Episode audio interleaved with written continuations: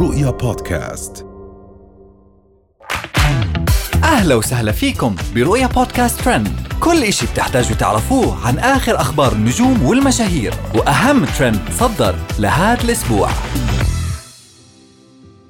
مروج الرحيلي كشفت عن ماسك بشرتها الخاص. موديل آش تدور رجال على حسابها في سناب شات. مشاعل الشحي تنهار بسبب انفصالها الأخير عن أحمد. وأخيرا كايلي جينر تفقد مليون متابع على إنستغرام بعد دعمها لإسرائيل. نشرت مشهورة السوشيال ميديا السعودية وخبيرة التجميل مروج الرحيلي فيديو جديد لها وهي تسوي ماسك بشرتها المشهور وتسولف عنه لكل المتابعات. وطلعت مروج الرحيلي بالفيديو وهي تسوي ماسك بشرتها واللي مصنوع من الفراولة والزبادي.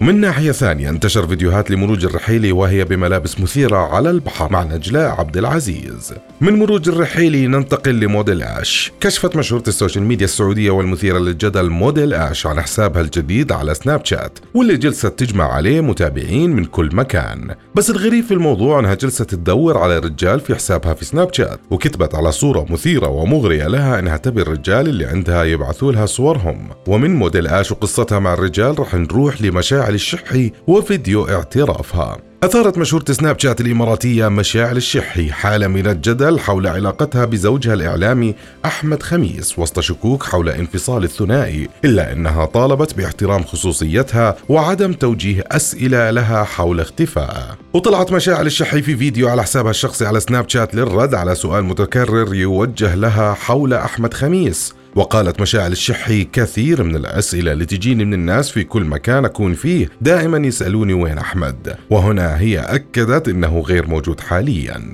وأخيرا راح ننتقل لكايلي جينر وقصتها مع إسرائيل. فقدت نجمة تلفزيون الواقع الأمريكي المليارديرة كايلي جينر أكثر من مليون متابع على حسابها الرسمي على موقع الصور والفيديوهات إنستغرام. وذلك بعد ساعات من إعلان دعمها لإسرائيل.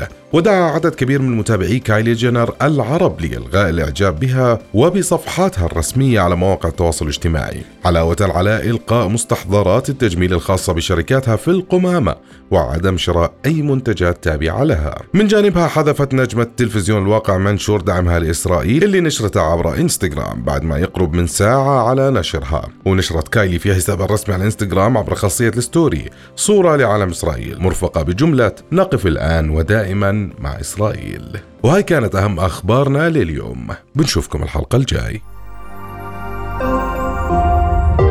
رؤيا بودكاست.